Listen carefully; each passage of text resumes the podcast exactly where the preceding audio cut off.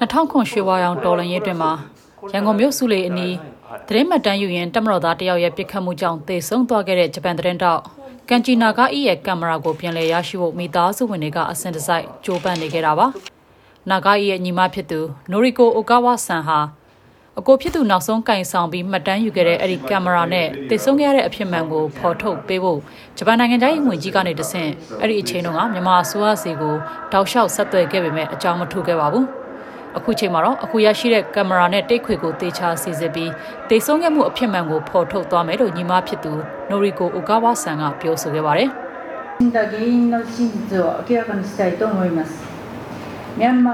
ကျမကိုစုံပါသွားတာ16နှစ်နီးပါးကြာသွားပြီဖြစ်ပြီးစင်စက်မပြတ်တောင်းဆိုနေပေမဲ့ကင်မရာနဲ့ပတ်သက်လို့ဘာသတင်းအချက်အလက်မှမရရှိခဲ့ပါဘူးဘလို့မျိုးပဲဖြစ်နေပါစေ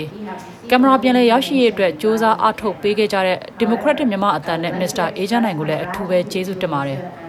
ကင်မရာပြန်လည်ရရှိရေးအတွက်မျှော်လင့်ချက်တွေထားစရာမလိုတော့တာကြောင့် PT အပြည့်နဲ့လည်းပျော်ရွှင်ကြည်နူးရပါတယ်ဒါကြောင့်မို့လို့အထူးကျေးဇူးတင်ပါတယ်ကျမရဲ့အကိုဖြစ်သူနောက်ဆုံးကင်ခဲ့တဲ့ဒီကင်မရာနဲ့တိတ်ခွေကိုအတီးပြုတ်နိုင်မှုဂျပန်နိုင်ငံကိုပို့ဆောင်သွားမှာဖြစ်ပြီးအကိုဖြစ်သူတေဆုံးခဲ့တဲ့နောက်ဆုံးအခြေအနေတွေနဲ့တေဆုံးရတဲ့ဖြစ်စဉ်တွေအချက်လက်တွေကိုတေချာခွဲခြမ်းစစ်စစ်သွားမှာလည်းဖြစ်ပါတယ်။အ ကိုဖြစ်သူတေဆုံးခဲ့ရတာဟာမတော်တဆမှုလို့မြမတက်မတော်ဘက်ကအခိုင်အမာပြောဆိုနေတာကိုပြန်လည်ညှင်းဆိုနိုင်ဖို့လည်းကျမတို့မျှော်လင့်ထားပါတယ် assertion that my brother's death was an accident.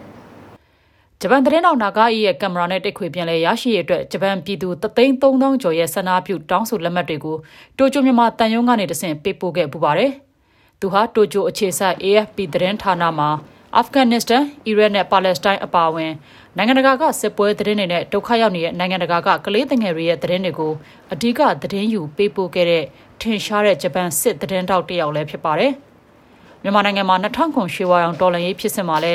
သတင်းမှတ်တမ်းယူရင်ဗီဒီယိုနဲ့ဓာတ်ပုံမှတ်တမ်းတွေအရသူဟာညာဘက်1 byte အောက်တနက်နဲ့ထက်ဆင့်ပြီးအပြစ်ခံရလို့သေဆုံးခဲ့ရတာလည်းဖြစ်ပါတယ်။ And that morning, when I came to the office,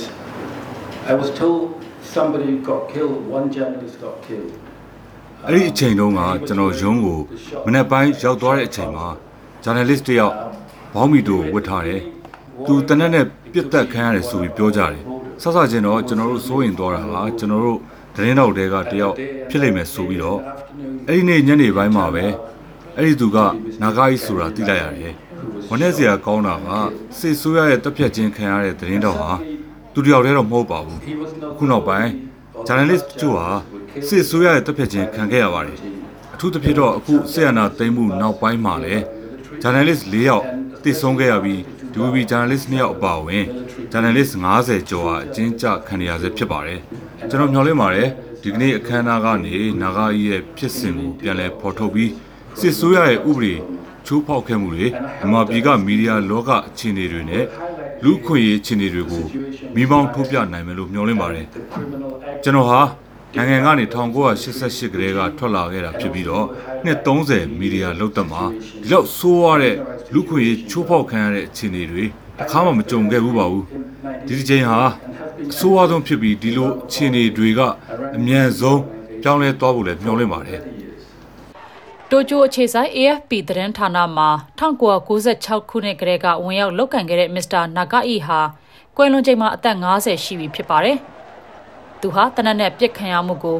ဗီဒီယိုမှတ်တမ်းတွေဓာတ်ပုံတွေတက်သိခိုင်မာရှိနေပေမဲ့တေဆုံးခဲ့ရမှုနဲ့ပတ်သက်လို့ပြစ်ခတ်နှိမ်နင်းမှုတွေမှာပြစ်မိန်ပေးခဲ့တဲ့သူတွေကိုယ်တိုင်ကိုယ်ကျပြစ်ခတ်သူတွေကိုအခုထိတိုင်အောင်တရားဥပဒေအရအရေးယူနိုင်တာမရှိသေးပါဘူး။သတင်းသမားများကာကွယ်စောင့်ရှောက်ရေးကော်မတီ CPJ ကလည်း မြန်မာနိုင်ငံကသတင်းသမားတွေဥပဒေမဲ့တေဆုံးခဲ့ရမှုတွေဖမ်းဆီးခံရမှုတွေနဲ့ပတ်သက်လို့စုံစမ်းဖော်ထုတ်မှုတွေကိုဆက်လက်လှုပ်ဆောင်သွားမယ်လို့ဒီအခမ်းအနားအတွင်းမှာပြောဆိုခဲ့ပါတယ်။ကျွန်မခင်ကြီးပါပါရှင်။